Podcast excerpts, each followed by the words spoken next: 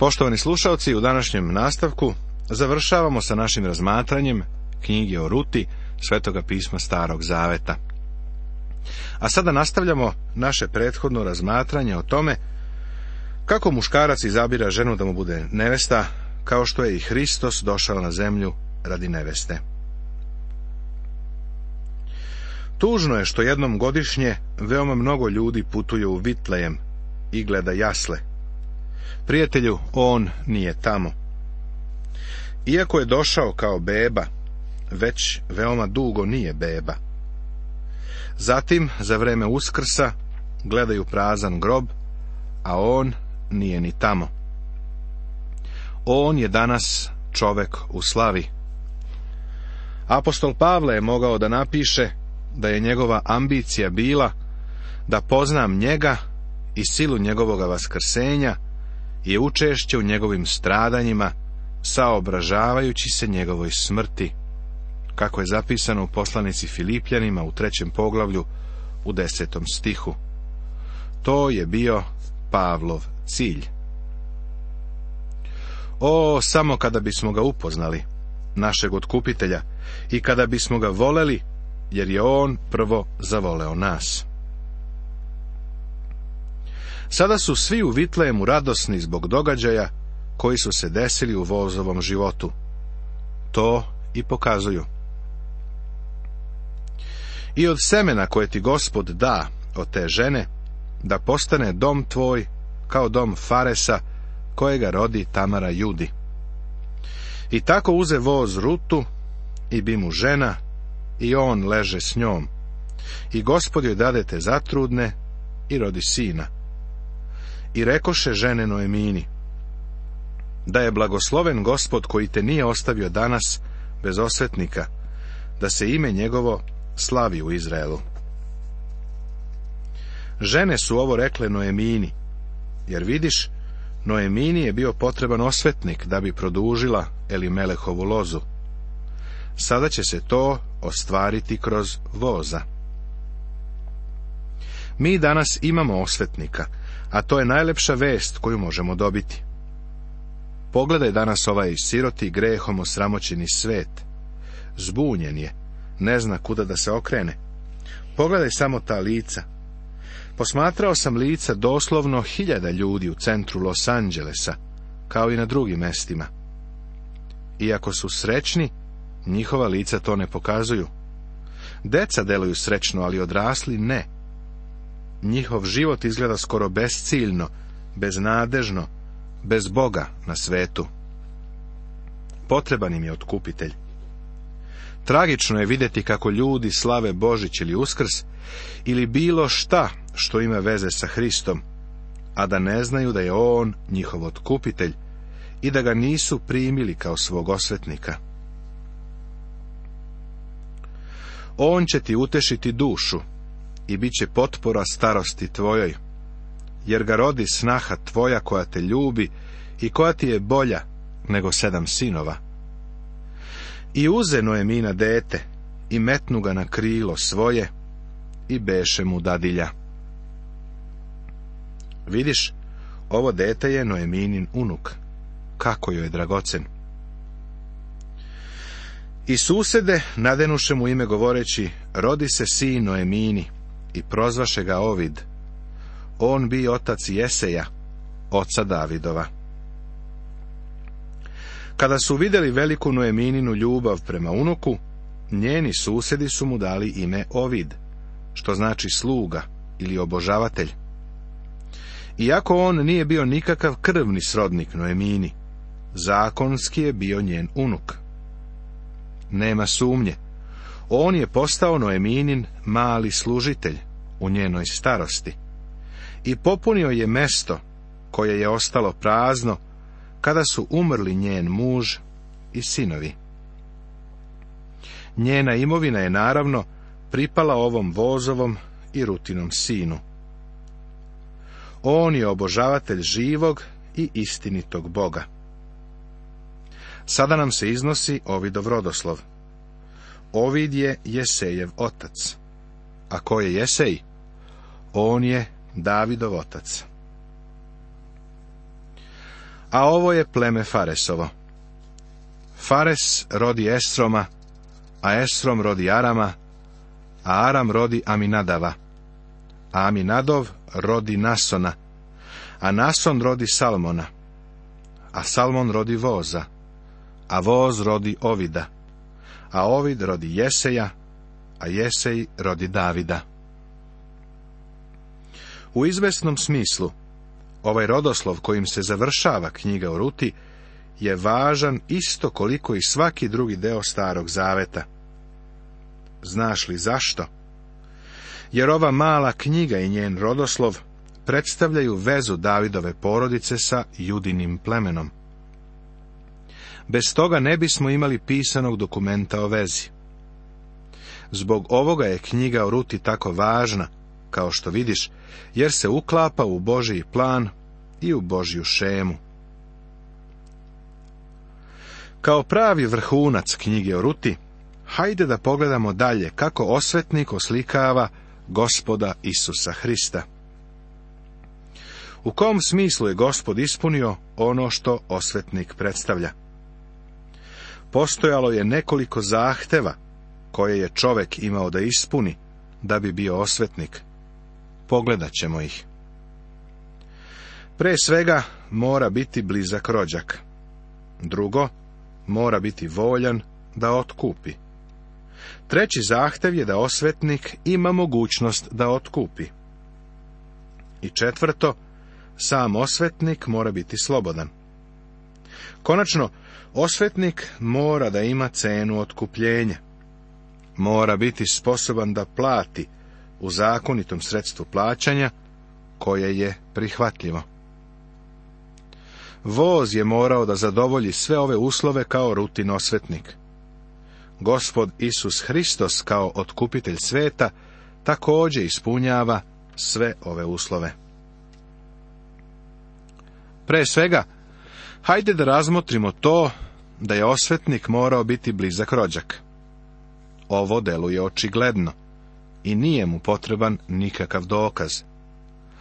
U stvari, iz tog razloga voz je mogao da deluje. Rekao je, ja sam tvoj bliski rođak. Od početka do kraja nam je predstavljena činjenica da je voz bio u vezi sa Elimelehovom porodicom. Gospod Isus Hristos je naš otkupitelj. On je naš bliski rođak. On je taj koji je na sebe uzeo ljudsko telo. Kako pak deca imaju učešće u krvi i ploti, tako i on uze učešće u tome, da smrću obesnaži onoga što ima vlast nad smrću, to jest đavola, i da izbavi one koji su strahujući od smrti celog života bili u ropstvu. Ne prima se naime anđela, nego se prima Avramova semena. Kažu stihovi od 14. do 16. drugog poglavlja poslanice jevrejima. Gospod Isus Hristos je došao u ljudski rod. Primio je na sebe Avramovo seme, tako ovde piše. Također piše da je saosećao sa neukima i sa onima koji su skrenuli sa puta. Pošto je i sam podložen slabosti, kaže drugi stih petog poglavlja poslanice jevrejima. On je znao šta znači biti čovek. A kad je došla punina vremena, posla Bog svoga sina, rođenog od žene, koji je bio pod zakonom, da iskupi one koji su pod zakonom, da mi primimo usinovljenje, kažu četvrti i peti stih četvrtog poglavlja poslanice Galatima. Rođen je od žene, rođen pod zakonom. Vidiš, došao je da na sebe uzme ljudsku prirodu i postao je čovek. S radošću je došao na zemlju i ušao u porodicu ljudi. To je, prijatelju, jedno od najvećih ohrabrenja koje danas imam. Kada bi mogao da me ubediš da Bog nije postao čovek, u tome ne možeš ubediti, ali kada bi mogao? Onda bih ja, to ti svečano izjavljujem Bogu, okrenuo leđa. Međutim, u ovome ne možeš ubediti. Pa mu ja leđa neću okrenuti, jer je on pre dve hiljade godina došao i na sebe uzeo ljudsku prirodu. Trpeo je ovde dole, prolio je krv i umro. Može da nam danas pomogne, jer nas poznaje. Poznajete bolje od tvojih prijatelja, od rođaka, od tvog muža ili žene. Poznajete bolje nego što sam sebe poznaješ. Poznajete danas i može ti pomoći zbog toga. Pošto je Bog postao čovek i na sebe uzeo moju ljudsku prirodu, iako u životu imam mnogo iskustava koje ne umem da objasnim, i ne znam zašto se izvesne stvari danas dešavaju, prihvatam ih. Pošto je postao čovek i pošto je smatrao da je neophodno da dođe na ovu zemlju, da trpi, prolije krv, i umre za grehe sveta, a to je Božiji plan i program, ja znam da život ima neki sveti i uzvišeni cilj. Kada padnem, ponovo ću ustati, otresti se i nastaviti dalje pravo kroz život, jer znam da trčim prema cilju sa nagradom na koju nas Bog u Hristu Isusu gore poziva, kao što kaže 14. stih trećeg poglavlja poslanice Filipljanima. Anselmo, jedan od divnih pobožnih ljudi u dobu pre srednjeg veka, u svojoj knjizi Kur Deus Horno, odnosno zašto je Bog postao čovek, redukuje problem zašto je Bog postao čovek na vrlo lepo definisan razlog. Taj razlog je definisan jednom rečju – otkupljenje. Gospod Isus Hristos je na sebe uzeo ljudsku prirodu i telo, da bi bio naš otkupitelj. On je naš osvetnik. Osvetnik mora da bude ne samo blizak rođak, nego mora biti voljan da otkupi. Sećaš se da je Noemine imala drugog osvetnika, koji nije bio spreman za otkupljenje. On je vrlo otvoreno rekao vozu, ja imam svoje nasledstvo, ne mogu da ih otkupim. Ti to preuzmi umjesto mene. A voz je bio voljan, ne samo voljan. Želeo je to otkupljenje jer je voleo rutu. Ti i ja danas imamo otkupitelja koji nas voli. Zašto? objašnjenje nije u nama. Apostol Pavle je rekao u poslanici Rimljanima u trećem poglavlju, u 24. stihu, te se opravdavaju za badava, njegovom blagodaću, na osnovu iskupljenja u Hristu Isusu. Zabadava znači bez razloga. On u nama nije pronašao nikakav razlog, ali voli nas i on je voljni otkupitelj pisac poslanice jevrejima kaže, gledajući na Isusa, začetnika i usavršitelja vere, koji je umjesto radosti koja je bila pred njim, podneo krst prezrevši sramotu i seo s desne strane Božijeg prestola. Ovo je drugi stih 12. poglavlja poslanice jevrejima. Tako uviđemo da je gospod Isus, kao naš osvetnik, bio voljan da nas otkupi Želeo je da nas otkupi, a voli nas i danas. Bio je spreman na žrtvu. Neki su pogrešno pretpostavljali da pošto je Isus voljno postao žrtva, da je onda u pitanju samoubistvo, kao kod Sokrata. Ovo je bogohulna izjava koju zastupaju neki liberali, koji izjavljuju i druge bogohulne stvari. Iako njegova smrt nije bila samoubistvo, on jeste bio spreman da umre. Vidiš, voleo nas je. Pre mnogo godina u Houstonu, u Teksasu, kada je izbio požar u jednom pansionu, jedna žena se probila i ušla u kuću. Kuća je pala, žena je izgorela. Novinar je pisao, sirota nesrećnica je umrla samoubistvo. Kasnije su novine to ispravile i izdale izvinjenje. Znaš li zašto? Zato što, kada su radnici kopali po građevinskom materijalu, u sporednoj sobi su našli gvozdeni krevet, a na krevetu je bila beba, njena beba. Ona je ušla u kuću u plamenu da bi spasla svoju bebu. To nije bilo samoubistvo. Ona je volela tu bebu i želela je da spase svoje dete. Gospod Isus je bio voljni otkupitelj prijatelju. Bio je veoma voljan i spreman i to zato što nas je voleo.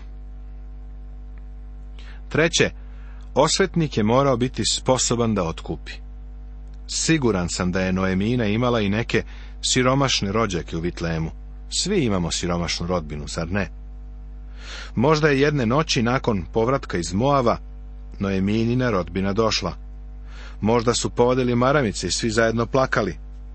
Rekli su Noemina, tako nam je žao zbog tebe ali ne možemo ti pomoći u stvari i sami smo u vrlo lošem položaju, ni sebi ne možemo pomoći. Lepo je imati saosećajne rođake, ali je divno imati rođaka koji može da napiše ček, rođaka koji dođe i kaže ja ću te otkupiti. Ti i ja imamo osvetnika, on može da nas otkupi. Da li si ikada primetio koliko mnogo puta u Novom Zavetu piše da Isus može, da je kadar. Kadar je. Stoga i može sasvim da spase one koji njegovim posredstvom prilaze Bogu, pošto da živi, da se moli za njih, kaže 25. stih 7. poglavlja poslanice Jevrejima. On je naš divni otkupitelj sa mogućnošću da spase. Ovo je naravno važilo i za voza. Zvali su ga silnim čovekom bogatstva. Nikada se nije postavljalo pitanje njegovih sposobnosti. Prijatelju, nema pitanja ni o tome da li gospod Isus može da otkupi. Jov je rekao, ali znam da je živ moj iskupitelj i na pošljedak da će stati nad prahom. 25. stih 19. poglavlja knjige o Jovu danas mogu reći da znam da je moj otkupitelj živ, jer je baš sada Bogu s desne strane, a jednoga dana je bio nad ovom zemljom. U stvari, visio je na krstu da bi nas spasao od greha. On može da nas spase. Boga je uzvisio i dao mu je ime iznad svakog drugog imena. Jednoga dana svaki jezik će priznati i svako koleno će morati da se pred njim pokloni. On može da spase. I tebe može da spase. Pitanje je, da li te je spasao? On to želi i učinit će to ako mu dođeš. Poštovani slušaoci, ovim smo završili naše razmatranje knjige o ruti Svetoga pisma Starog Zaveta. Od našeg narednog programa počinjemo sa razmatranjem knjige dela apostolskih Svetoga pisma Novog Zaveta.